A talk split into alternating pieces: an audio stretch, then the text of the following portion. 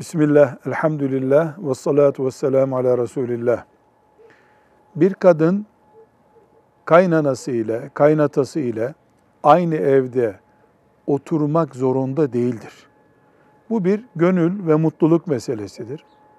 Eğer gelin kimliğiyle o evde mahremiyet sorunu da yoksa, öbür aileyle beraber oturmaktan hoşlanıyorsa oturur.